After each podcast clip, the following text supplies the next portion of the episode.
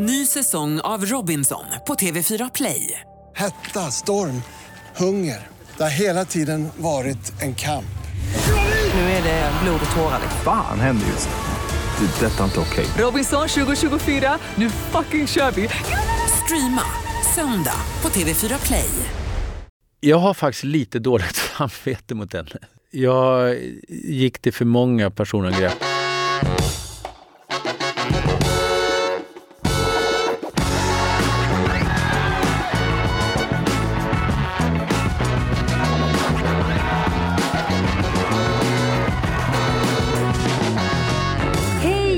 Välkomna till podden Gott folk. En podd där jag, Hanna Persson, sätter våra kanske mest intressanta svenskar på den moraliska pottan i ett slags försök att komma människans natur lite närmare.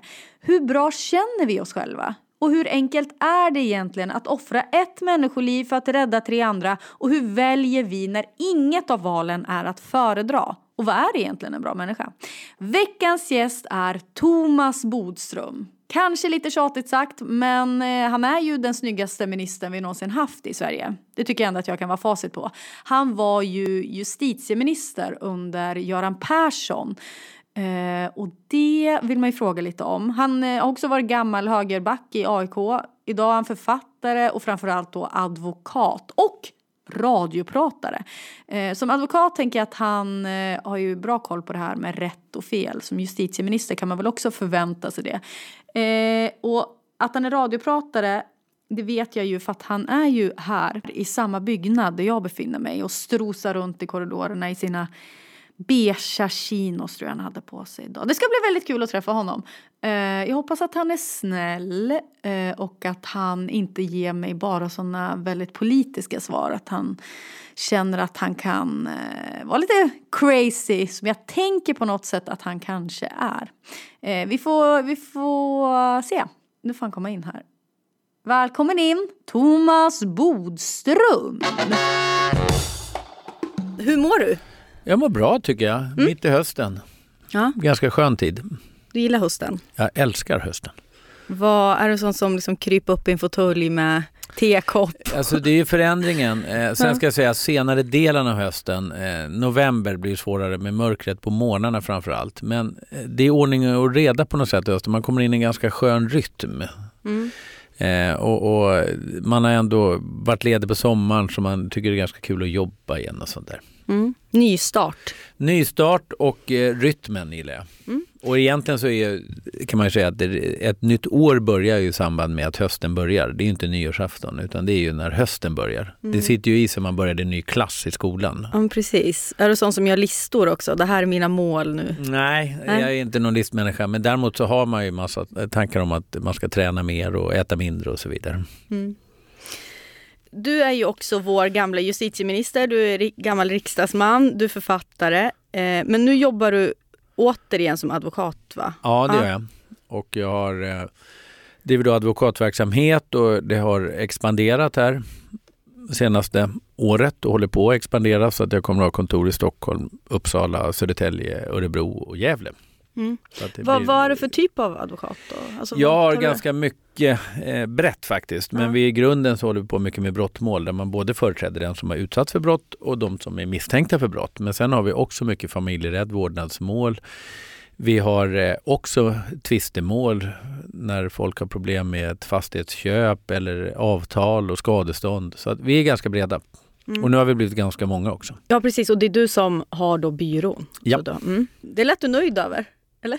Ja, men jag tycker att det är väldigt kul. Jag Ja. tycker också, när jag kanske lät nöjd när jag sa att jag har byrån. Jag tycker det är väldigt, väldigt roligt att arbeta tillsammans med, med eh, också eh, yngre jurister som kommer ut från universitetet och, och arbeta tillsammans med dem och eh, följa deras karriärer. Det tycker jag är nästan den roligaste biten faktiskt. Fungerar du då som någon slags mentor? Ja, det kan man Mm. säga. Och sen så är de som har varit där ett tag, de blir mentorer själva för andra. Så att eh, vi delar på det. Men jag måste vara tillgänglig faktiskt när som helst. Och det säger jag hellre när det ringer en gång för mycket än tvärtom. Även om det är helg eller vardagskväll eller tidig morgon. Så jag hade ett samtal här precis nu på morgonen från en jurist som skulle in i domstol och som vill ha några snabba råd. Ja. Men, men jag tänker på, du är ju ändå så pass känd, folk känner igen dig Eh, ofta kan jag tänka mig, vart du än går. Ja, Eh. ganska många gör det i alla fall tror jag. Ja, men hur funkar det i rätten? Alltså är det en fördel eller en nackdel? Det är nog ingen nackdel i alla fall tror jag men, men eh, det är också så att eh, jag tror inte det spelar så stor roll, roll faktiskt. Eh, därför att när man väl är där så finns det en advokat, en åklagare och, och domaren och nämndemän och så vidare. Så det spelar inte så stor roll om, om advokaten är känd eller inte. Jag tänker du får inga såna, pikar från liksom andra, alltså i rätten att så här, här kommer du kändisadvokaten. Alltså, Nej, men däremot så är det ju så att eh, nu är det inte lika mycket som det var tidigare, men eh, när jag ändå var justitieminister så stiftade, var ju, låg jag bakom rättare sagt, lämnade förslag till olika lagar som sen blev lagar. mm. Och då kan det komma upp nya lagar i domstolen som jag själv har varit med och då kan det bli diskussion hur man egentligen menade och hur det ska tolkas och då kan det bli ganska roliga situationer. Därför att då kanske mot den andra advokaten säger så här, ja, men så här ska den här lagen tolkas och då blir det lite roligt att jag får säga så här, nej jag tror nog att man menade så här när man införde den här lagen. För du vet, det är ju du som är Ja, det facit. var ändå jag som står där, namnet på propositionen. Du jobbar ju med rätt och fel kan man väl säga. Och det, Ja, i alla fall i grunden handlar det om, det är ju så att lagarna är ju en gång, det är ju tänkt för att det ska bygga lite på folks moral. Vad som är just rätt och fel. Och det där förändras ju med åren också. Vi, vi, man, synen förändras och då ändras också lagarna. Så det, man kan säga att det är en slags kodifiering av tankar om vad som är rätt och fel. Om man ska ta, uttrycka det lite filosofiskt. mm. Hur mycket funderar du på sånt i liksom ditt privatliv? Alltså jag tror att vi alla präglas av det. Vi sätter ju, alla människor har en moral. Eh, och, och det kan man ju också se på till exempel våra fängelser. Så är det ju så att eh, även de människor som har begått de mest fruktansvärda sakerna, de har ju olika moraliska regler och de har också moraliska regler hos sig själva. Eh, de rangordnar ju och, och eh, tycker till exempel att den som är dömd många gånger för sexualbrott den förtjänar ytterligare straff, inte bara sitta i fängelse. Så de måste man nästan skydda i fängelset mot andra personer som sitter i fängelse.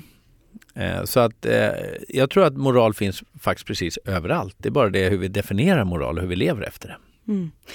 Så, men det, du menar att det stämmer? För jag tänker att det är annars en fördom att så här, äh, i fängelser att människor som ja, kanske pedofiler eller liknande, att de blir väldigt så utsatta. Det stämmer definitivt. Någonting också som anses vara väldigt omoraliskt bland kriminella det är ju att eh, berätta, skvallra eller gola som det heter. Mm. Och eh, där är det direkt farligt för den personen som har gjort det. Och det kan andra kriminella försöka ta reda på. Hur var det med den här personen? Är den här, har den här personen golat? Då är det en person som förtjänar att straffas hos kriminella. Och det där är väldigt eh, bestämda, alltså inte lagar är det inte, men, men normer hos kriminella. Mm. Så det är nästan det är värre att gola än att mörda, typ? Ja, absolut. Ja. Ja. Skulle du säga att du är en bra människa? Eh, jag tror att det är genomsnitt. När känner du dig som bäst då? Det är när jag gör det där lilla extra som advokat. När jag gör det för att jag verkligen vill hjälpa den här personen och gör mer än vad som egentligen kan krävas av mig från advokatyrket. Mm. Och när jag blir förbannad och när det ger mig fan på att det ska bli en ändring och det faktiskt också någon gång blir det. Jag tänker hemma då? Alltså när känner du dig bäst? Är det liksom alltså med familj och liksom? Nej, jag vet inte. Det är ju blivit komplicerat så här att gå omkring och känna sig bra. Men eh, å andra sidan så om man, till exempel som jag då som har varit tillsammans med samma tjej och gift med, med henne i över 30 år. Mm. Så bygger det ju på att man faktiskt är snäll och schysst mot varandra. Annars går det inte. Det går ju inte att leva på den där första förälskelsen Nej. hur länge som helst. Utan just den här saken att ställa upp för varandra och inte se det som en, en någon slags tävling i vem som är mest. Eh, Det är ju någonting som, som är väldigt viktigt. Sen har vi i och för sig nu, nu har vi bara en son hemma. Nu har vi en lista på vem som plockar ur diskmaskinen och vem som går bort med skräpet. Men det, det är ju också för att det blir lite roligare med, med att ha en sån. Vem har infört listan? Jag tror faktiskt att det var jag som införde den. Mm. Därför jag tycker det är kul med, med tävlingen. Mm. Men det får inte bli den där destruktiva, en slags kapprustning. Utan det måste ändå, man måste ändå vara schysst. När skulle du säga att du känner dig dålig då? Eh, det är när jag inte kan leva upp till det jag sagt. Eh, jag är tidsoptimist och säger att jag ska hinna med saker. Och det gör jag inte alltid. Och då tycker jag själv att jag sviker. Mm. Drivs du av mycket dåligt samvete? Nej, det ska jag inte säga att jag gör faktiskt. Utan det är mer på det generella planet att jag inte lever upp till det som jag eh, tycker man bör göra till exempel med miljön och så vidare. Mm. Flyger för mycket, äter för mycket kött och så vidare. Och det är ändå ett visst dåligt samvete när man ändå läser så mycket om rapporterna. Mm. Det är inte så att du tackar ja till grejer av dåligt samvete, att du måste ställa upp på grejer och sådär? Men och det händer att man, Mm. man gör någonting för man tänker att nej men det är väl bäst att jag gör det här. Mm. Ljuger du mycket? Nej, det ska jag inte säga, men eh, jag tillhör inte heller de som tycker att alltid man ska säga sanningen. Men jag försöker leva efter devisen att eh, det man säger ska vara sant, men man behöver inte säga allt som är sant. Mm. Jag tänker i ditt jobb, Mm eh, där träffar du många personer som du tycker har liksom bristande moralisk kompass. Ja, det är klart att om man jobbar med brottmål och personer har gjort saker så, så har ju de brustit många gånger i både lag och moral. Samtidigt så tycker jag att vi är för snabba att döma för många gånger så finns det orsaker till det. Men man ska skilja på att försvara någon som har begått ett allvarligt brott till att förklara varför den här personen har begått allvarliga brott. Och nu menar jag inte som advokat utan just moraliskt. Mm. Så säger folk så här, ja ja men kom inte med eh, vad som hände i barndomen. Eh, jo, därför att det har relevans många gånger. Det är Mm. så. Med en väldigt dålig uppväxt och, och föräldrar som inte kan ta hand om en och så vidare och, och kanske missbruk och våld i hemmet så ökar riskerna stort och det är en viktig förklaring.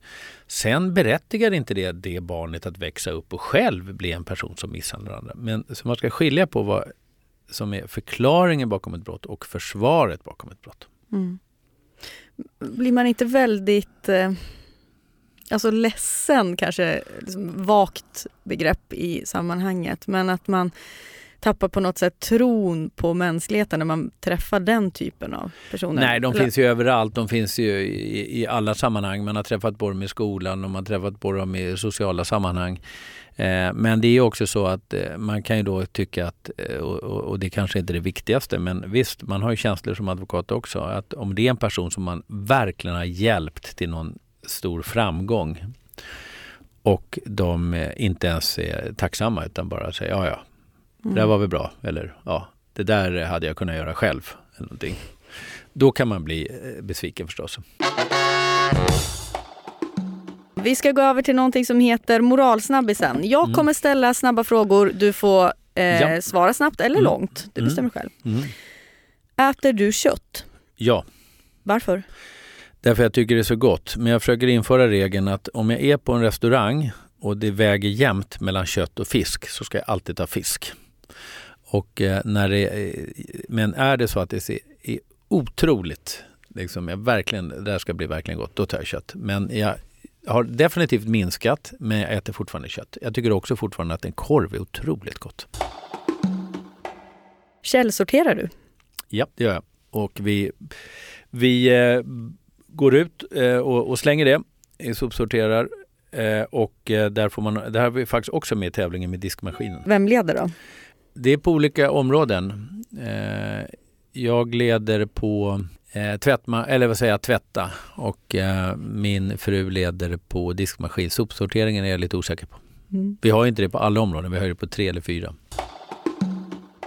Har du klimatångest? Ja, absolut. Eh, det här är ju på väg att gå åt skogen. Inte för jorden, den kommer klara sig alldeles utmärkt. Den kommer bara skaka till lite. Men för mänskligheten och för jag ser mina barn som fortfarande är unga, de ska ju också ha barn och de ska sen ha barn. Det är ju bara ett par generationer bort. Och eh, det är ju också så att även om vi nu skulle dra alla handbromsar som går så ligger det ju ändå decennier framför oss som kommer att försämra miljön. Och det handlar inte bara om ren luft, det handlar ju om att eh, länder, hela länder kan ju hamna under vatten till exempel. Och det är kanske tyvärr det som kommer att hända innan människan verkligen, verkligen fattar vad som händer. Och det kommer väl börja kanske då med, Bangladesh eller någonting som hamnar 150 miljoner människor. Och sen om man tittar på Europa så blir det kanske Holland som hamnar. Och då kommer det verkligen bli konflikter. Så det är ju en fredsfråga också. Mm. Jag tror i och för sig att det här måste grunda sig på politiska beslut. Det måste helt enkelt löna sig att vara klimatsmart och det måste straffa sig. Mm. Att använda bilen och flyget och sådana saker. Eh, Det måste vara ekonomiska sanktioner och ekonomiska incitament. Är det okej att köpa sex? Eh, nej, det tycker jag inte. Du står bakom svensk sexköpslag. Ja, det gör jag. Jag tycker Mm. att det är, är fel att köpa sex. Dessutom finns det en sån nära koppling till människohandel. Det är lättare att bekämpa människohandel om man köper, alltså om man förbjuder prostitution. Tycker du att droger ska legaliseras? Nej, men jag tycker att man ska ändra inriktningen mer. Det är fullständigt meningslöst att döma en heroinist till en månads fängelse. Eh, och eh, där tycker jag istället att man, jag tycker att det är fel att legalisera men jag tycker att man borde ha en annan inriktning på det. Och eh, man skulle kunna ha mer styrt från polisen att det här är personer som behöver vård mera. Alltså att man skulle omhänderta de här personerna. Det finns ju utrymme för det. LVM, lagen om vård av missbrukare. Det bör användas mera än att sätta de här personerna i en månad i fängelse där de först ska tända av några dagar på häktet i en trång cell, vilket är ett helvete för dem. Det vet ju vi advokater som besöker dem. Och sen får de ingen som helst vård och så är de ute efter en månad. Och det första de gör är att fortsätta knarka. Mm. Så att eh, vår narkotikapolitik politik är ju misslyckad och vi har ju ett, på något sätt någon, någon slags trauma. Så fort någon politiker börjar prata om det för mycket så, så blir det ju ramaskri och man säger att man är slapp mot narkotikan och så vidare. Men det är ju bara att konstatera att vi, vi har misslyckats på många sätt med narkotikan och vi måste se det som, vi ser alkoholismen som en sjukdom. Varför ser vi då inte folk som knarkar som en sjukdom? Hur mycket skänker du till välgörenhet varje månad? Eh, det skänker jag en del. Vi, vi är med i olika organisationer men framförallt så driver jag själv ett projekt som heter Kalinga Linga tillsammans med några kompisar där vi bedriver verksamhet i Afrika. Och där eh, så, så skänker jag eh, mitt företag sponsrar men också privat till det här. Och det är 100 barn som går i Zambia. Det här är en av de saker jag faktiskt tycker känns bra att göra. Eh, därför att vi är sju stycken nu som driver det här projektet Kalingalinga och det gör att 100 barn i Zambia kan gå i skolan. Vi har ett mål på att 1000 barn i Zambia ska gå i skolan så vi har en bit kvar. Men eh, jag brukar ta chansen och tjata när jag är på olika middagar och sånt. Förstöra dem lite kanske genom att börja säga att de ska gå med i Kalingalinga. Och eh, det tycker jag man ska göra. Tycker du ska göra Hanna. Mm. Ja, och de som lyssnar kanske? Och de som lyssnar får gärna höra av sig på mejl till min advokatbyrå. Vad, vad menar du att man, ni gör då? Alltså är det... Jo, för att för 125 kronor i månaden så kan man få ett barn att gå i skola i Zambia. Och vi är ju en liten organisation så vi har ju inga extra kostnader. Vi har lite bankavgifter men annars är allting 100% ideellt och så vidare. Och vi har varit nere i Zambia två gånger. Allt det där betalas själv och så vidare. Så att det här är verkligen att pengarna kommer fram och vi, vi jobbar tillsammans med ambassaden där, svenska ambassaden för att se till så att pengarna verkligen används på rätt sätt. Är du för svensk abortlag? Ja, Vad tycker du? Tycker du att det är moraliskt förkastligt att göra abort om man till exempel ser att barnet har en kromosomfel eller liksom att man kanske har Downs syndrom? Eh, eh, svår fråga. Eh, nu finns ju den här möjligheten att eh, undersöka det och, och, och då är det svårt att säga att föräldrar inte ska få det. Men det är en farlig väg att välja bort eh, människor som föds med ett handikapp. Men i slutändan så måste det ändå vara upp till föräldrarna att få göra det valet. Eh, vi pratade om det faktiskt när vi skulle ha vårt fjärde barn och kom då fram till att eh, vi ville nog undersöka det. Eh, Men även om det var det så skulle vi behålla det. Men vi ville vara förberedda på det. Sen blev det inte så ändå. Vi gjorde inte det. Men vi pratade om att göra det. Men jag tycker i slutändan måste det vara upp till föräldrarna själva. Jag tror jag vet vad du kommer svara, men vart står du politiskt? Ah, den kan vi stryka, vi har redan pratat om det. Eh, är du för dödsstraff? Nej, det är jag definitivt inte. Och eh, det är ju flera goda skäl för det. Mm. Ett, ett land ska ju inte avliva sina medborgare, vilket det faktiskt är frågan om. Alltså det är ju, någonstans så har ju också staten ett ansvar för att brotten begås i, landet. Men det är definitivt inte deras uppgift att avrätta människor eller avliva som jag brukar kalla det. Har du varit otrogen? om jag varit otrogen? Det beror på vad du menar med otrogen faktiskt. Men eh, om jag ser på hela mitt liv så har jag definitivt varit det i tidigare förhållanden. Mm. Har du blivit bedragen? Eh, ja, det har jag. Eh, också i tidigare förhållanden. Mm. Vad var värst? Att bli bedragen. Därför har man inte kontroll över situationen. Vad tycker du om den svenska sjöfartslagen? Eh, jag kan inte sjöfartslagen trots att jag är jurist. Men eh, Jag du är den första gästen som får den här frågan för Ja. jag fick någon känsla av att du är en person som gillar att åka båt nej, och kanske ta en öl Nej. när du gör det. nej. Nähä. Jaha, du menar med, med fylleri? Ja, kanske skulle förtydliga det. Ja, eh, det är ju så att det sker ju faktiskt olyckor med alkohol. Jo, Och jag har ju varit med om det. Men jag tycker ändå inte man kan se det på samma sätt som med bil. nej. Eh, och jag tycker definitivt att man ska få ta en öl i sin eka så att säga. Och det får man ju. Mm. Mm. Men om Men det du är är båtar liksom som ingen går Ulf fort. Brunnberg. Nej, det är jag definitivt inte i något sammanhang. Jag, tror vi har väldigt olika uppfattningar om saker och ting.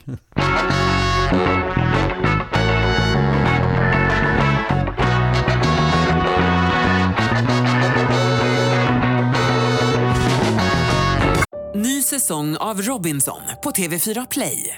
Hetta, storm, hunger. Det har hela tiden varit en kamp. Nu är det blod och tårar. Fan händer just nu. Det. är Detta är inte okej. Robinson 2024, nu fucking kör vi! Streama söndag på TV4 Play.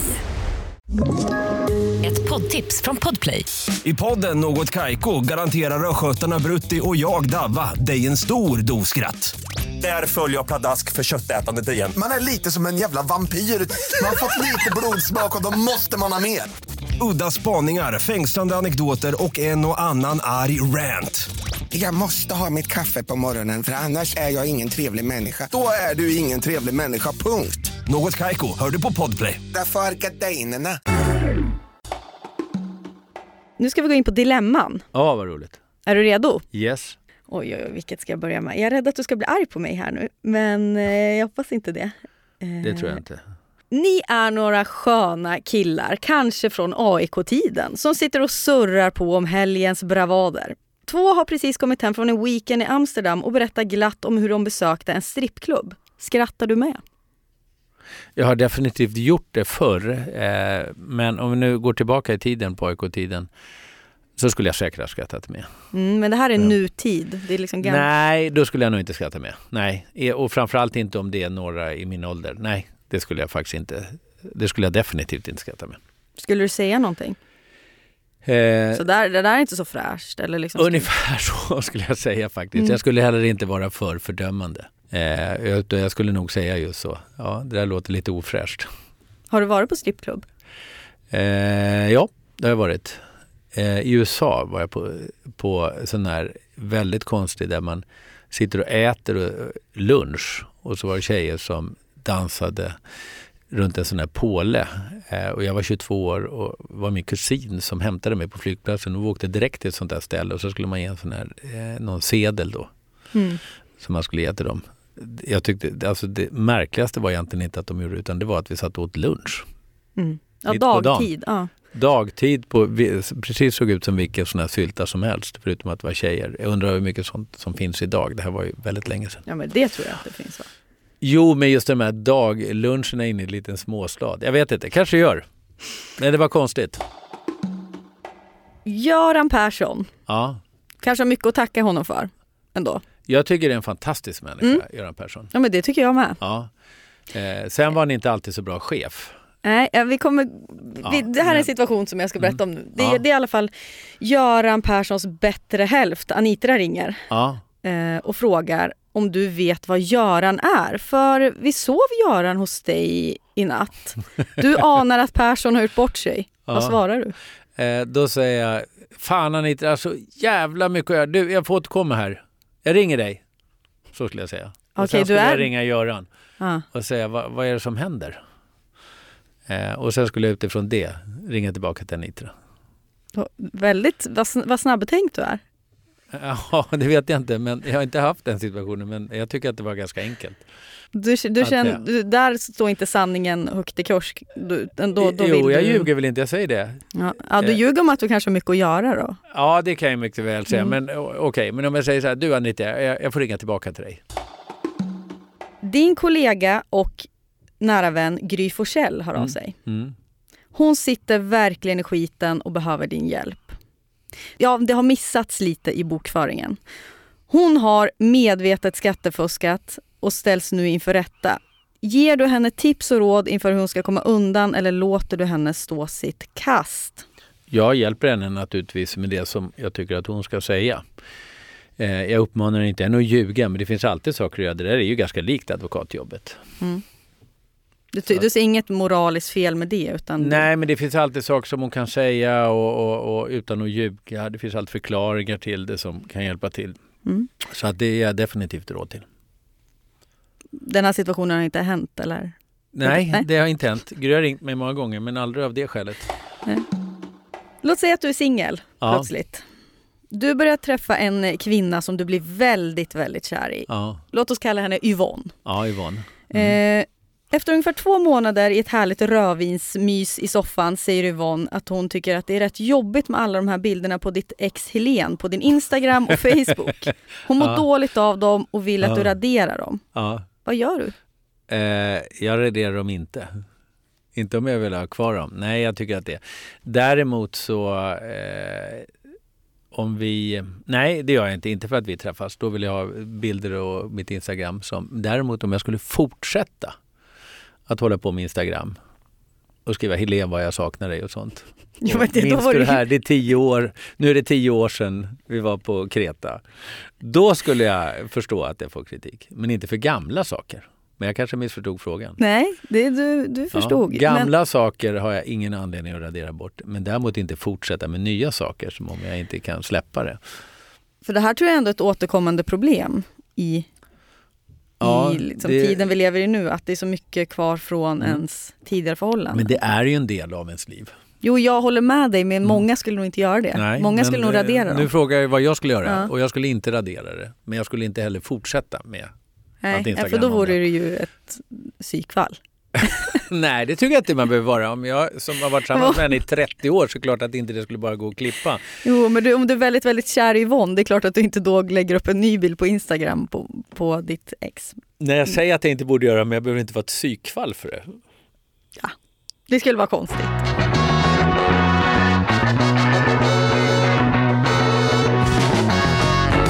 Vi kommer gå in på eh, någonting som jag tror kanske är lite svårare. Mm. Eh, och det är någonting som heter antingen eller. Oj, det, det är jobbigt. Mm. Mm. Eh, antingen så låter du mig spökskriva din nästa deckare i Ja. ditt namn. Ja. Alltså, så att alla Ja. tror att det är du som har skrivit den men egentligen är det mina, alltså. Ja. mina ord. Mm. Och det kanske inte är jättebra. Och du känner ju inte mig så du vet ju inte hur jag skriver. Eller så skriver du klart din nästa roman som blir en totalsuccé. Men Beatrice Ask sätts som författare och ingen kommer få veta att det faktiskt är din bok. Hon får alla hyllningar. Eh, den var bra alltså. Nej, jag tar nog första. Du vill inte ge Beatrice Ask? Nej, inte De- för att det är Beatrice Ask, men att någon annan överhuvudtaget. Om det inte är någon liksom, väldigt nära vän. Den där var en jävligt smart fråga tycker jag. Mm. Får man ändra sig? Ja. Nej, jag tar nog att jag har skrivit det själv. Jag, jag tycker det. Det är ändå Okej. så att jag kan, jag, jag kan ändå tycka att det är lite kul att se. Att vara... Det är bara du som vet om ja, det. jag vet det. Men det Frustrerande. frustrerande men också lite roligt. Det skulle också vara lite roligt att se Beatrice Ask sitta i tv-soffan och vara nöjd. Och veta, hon vet att hon nu ljuger. Det är ändå roligt. Jo, jag tar det senare. Jag byter. Stå i Djurgårdsklacken varje match, även bortamatcher. Ja. Eller gå på varje partimöte som Sverige- Sverigedemokraterna har. Ja, det var enkelt. Djurgården. Va? Ja, jag trodde du var riktigt så AIK-are. Ja, det är jag. Men eh, dels har jag spelat Djurgården faktiskt. Det var inte det bästa laget att kunna jämföra med. Jag skulle säga Hammarby skulle vara värre. Men jag Okej. skulle ändå välja Hammarby långt före det var i Sverigedemokraterna. Du Det var ändå ett väldigt lätt val. Din yngsta unge blir engagerad i SDU. Ja. Eller så är han helt blasé, bryr sig inte någonting om samhällsfrågor, vill bara ligga på soffan, spela Ja. tv-spel, skiter i allt. Det senare. Är det bättre att skita i allt än Japp. att bry sig lite? Mm. Det tycker jag. Därför att då är det mer neutralt i alla fall. Mm. Att vara med i SDU skulle, vara, skulle du se det som ett misslyckande som Ja, förälder? det skulle jag. Eftersom det ändå, jag tycker att den typen av värderingar vill jag inte att mina barn ska. Du tycker jag skrattar Nej, men jag innan. vet inte om jag vågar ställa Jo, den här. ställ den. Det är roligt. Antingen så tvingas du ta styrelseuppdrag i Allra igen, eller så tar du skulden för Sven Otto Littorins sexköp. Nej, men då ska jag ta styrelseuppdrag i Allra igen, absolut. Ja, det skulle jag göra. Det förstörde ju en del för dig.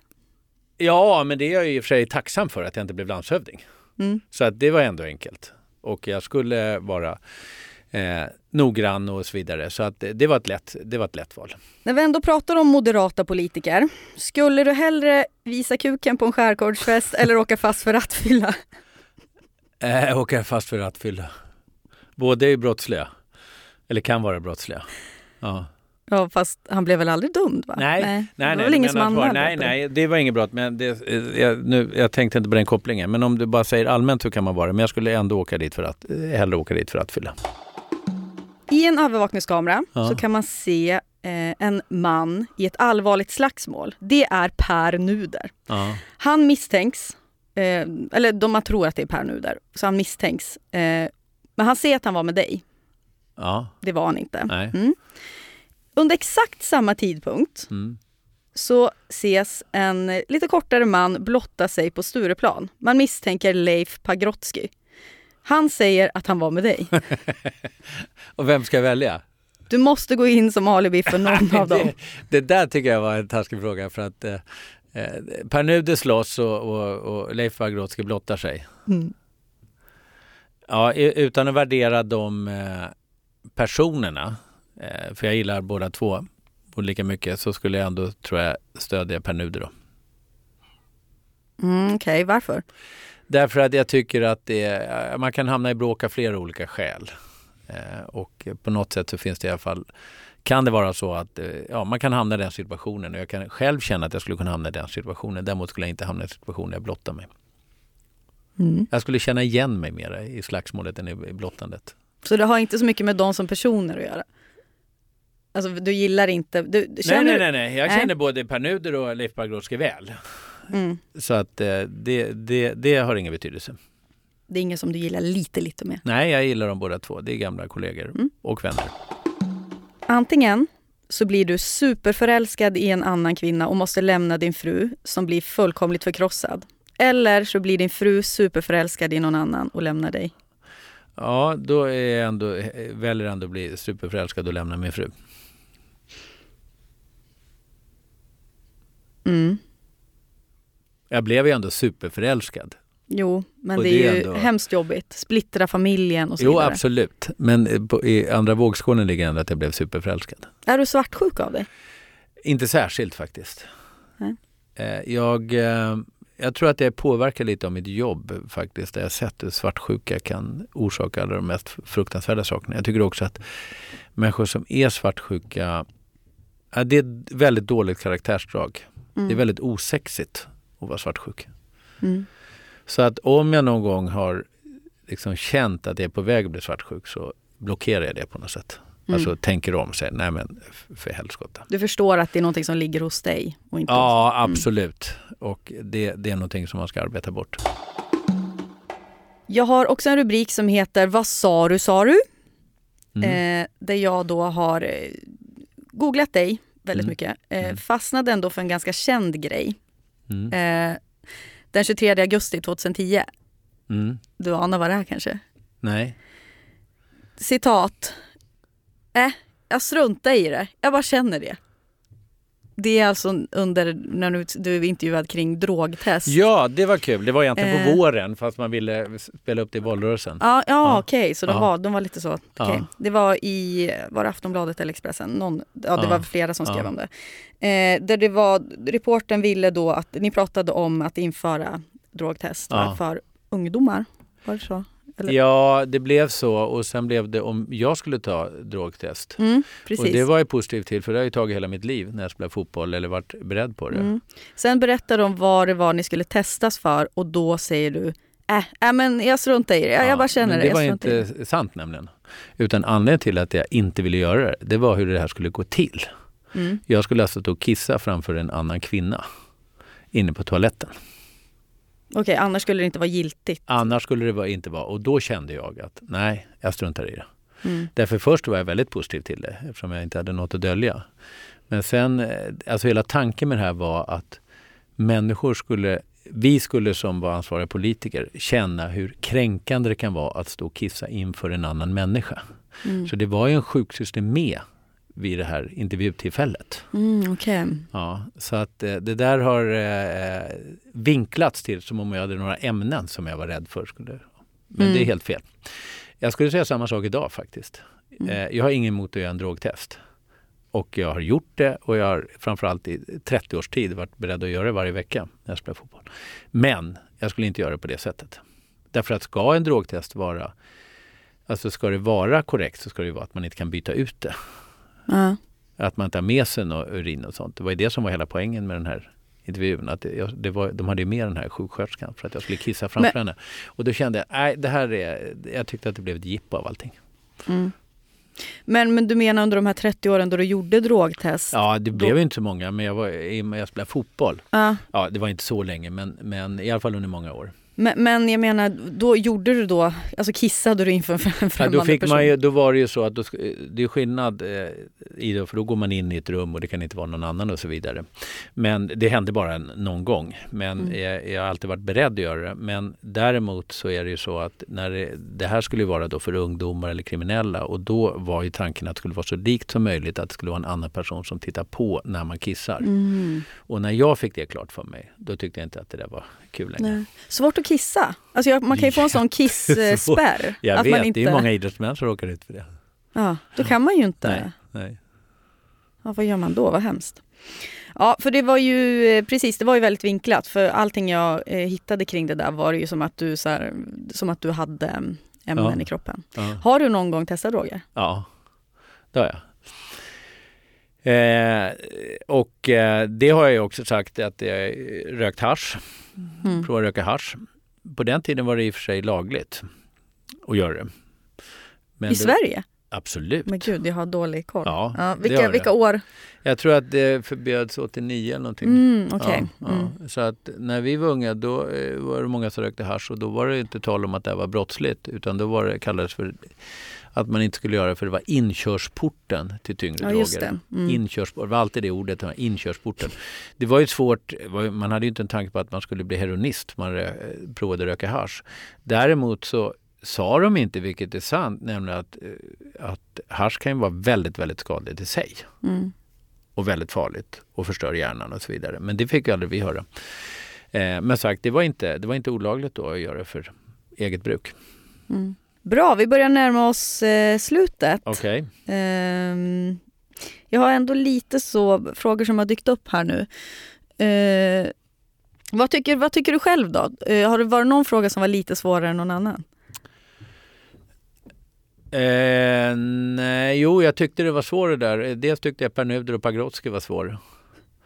Det var ju någon fråga där Ja, också. Som, spökskriva deckare. ja, spökskriva deckare så ändrade jag mig. Det, det får jag ändå ge Mm. ett högt betyg till att frågan var så svår att det var svårt att välja.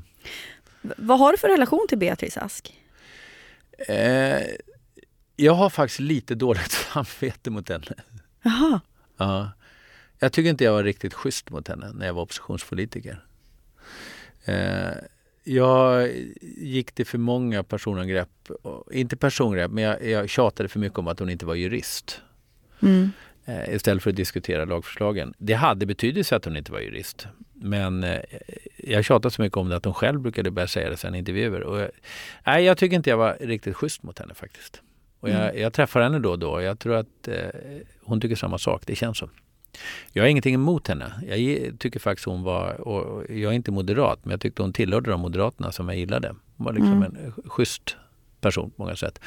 Eh, men vi hade inte en bra relation. Vi träffas ju någon gång då och då. Då är det ju trevligt. Men jag känner att nej, det, det, det, beror, det, var, det var mitt fel. Kunde ha blivit bättre. Det pratas väl om att hon ska vara någon slags eh, inspiration till det till, i böckerna du har skrivit? Ja, men det är fel faktiskt. Till eh, mina deckare, Mm. Gerd Lundin. Men det är inte Beatrice Ask. För det, då, där beskrev jag en väldigt osäker kvinnlig justitieminister. Mm. Och det kunde ju vara då, tror jag att jag menade henne eftersom jag framställde henne som så ungefär. Men det var faktiskt inte så. Gerd Lundin var Gerd Lundin. Hon blev en egen eh, person.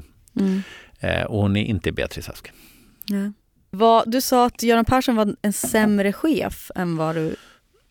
Nej, men du han- tycker om honom väldigt mycket som person? Ja, egentligen var han inte så dålig. Alltså han var väldigt omtänksam som chef. Om man hade problem med någonting så ringde han oavbrutet. Sen började han ringa lite för mycket. För han kunde ringa en dag när man hade haft jobbigt i media eller någonting. Och sa han, det här är jävligt far, farligt läge och jag vill bara stötta det. Ja, det kändes ju bra på kvällen liksom. Sen dagen efter kunde han ringa igen. Och då kände man sig, ja, men det, idag har det ju blåst över liksom. Det är väl inte så farligt. Men då sa han, det här är jävligt farligt läge. Jävligt farligt läge. Eh, ja, ja, okej, tänkte man. Ja, det var ju omtänksam. Så ringde tredje gången. Så, ja, men, nu räcker det väl? Liksom, tror du inte på mig? Tror du inte jag klarar det här? Så att han kunde ha lite dålig timing. Sen så kunde han också ringa kvart över sex på morgonen. Bara så här. Inte, jag har ju fyra barn som var små. Det var Mm. ingen så här, ringa olämpligt. Utan då hade han vaknat tidigt på natten och kommit på något som han ville prata om. Då kunde han ringa kvart över sex Mm. och, och bara prata på. Mm. Persson sa han när han ringde och så pratade han på. Vadå, han sa det när, han, när du svarade? Ja, jag sa hej, vem är det? Eller så här, Persson. Och så pratade han på. Men eh, ingen sa man ringer olämpligt. Men jag tyckte också att det var ganska charmigt på något sätt. Ja. Och han var statsminister. Då, får man, då tycker jag att man får ta Alltså då får man göra på det sättet. Mm. Men han var rolig och eh, omtänksam. Snällare och mjukare än många tror. Mm. Som person. Känsligare. Mm. Eh, nej, men man saknar ju honom. Ja, absolut. Mm. Har ni någon kontakt idag? Lite grann, men inte så mycket. Utan när vi träffas så blir det som må- många andra man säger, vi måste ha en lunch. Mm. Och, så, och det har, vi har tagit lunch, men, men eh, nu när jag säger ska jag höra av mig. Du började sakna honom nu när du pratade om honom. Mm. Thomas Bodström, tack Ja. för att du sa ja till att vara med i den här podden. Jätteroligt att få vara med. Ja. Verkligen roligt. Vad eh, ska du göra nu? Jag ska iväg på... Ja, först ska jag klippa mig. Jaha, Och sen ska jag ha möten hela dagen. Jag brukar ju vara i domstol nästan varje dag. Men idag är en eh, kontorsdag. vad blir det för frisyr? Ja, vad tycker du? Ja, Fly, som det hette förr i tiden. fly. Det var när man hade en jättelång lugg. Jaha. Det är en 70-talsfrilla. Ja, det vet jag inte riktigt om Nej, du... jag inte det. Är det svårt att klippa? Du har inte så lång lugg. Eh, kommer du vara ärlig mot frisören om du inte blir nöjd? Ja, det kommer jag vara. Mm, Okej, Mm, modigt. mm. Det är jag aldrig. Nej, Man säger ju oj vad fint det är. Så Nej det rusar man därifrån. vara. Bra, är det någonting du vill tipsa om? Nej, det är bra. Okej, bra. Du vill, du vill bara härifrån nu? Nej, det är du, lugnt. Är du vinkar till någon? Hej, nu kom Keyyo in här. Ja, jag säger Mm. det. Mm. Eh, alla ni som har lyssnat, tack för att ni gör det. Eh, tyckte ni att eh, Thomas Bodströms moraliska kompass höll hela vägen? DMa mig in på Hanapi på Instagram. Eh, har du Instagram? Ja, Ja, det har jag. Thomas Bodström heter du där. Bodströmsamhället. Ja, ja okej, du har liksom tagit lite så, eh, du har tagit tillbaks det uttrycket. Ja. Mm. Så ni kan ju också DMa Bodströmsamhället då, vad ni tyckte om honom. Bra, hej då!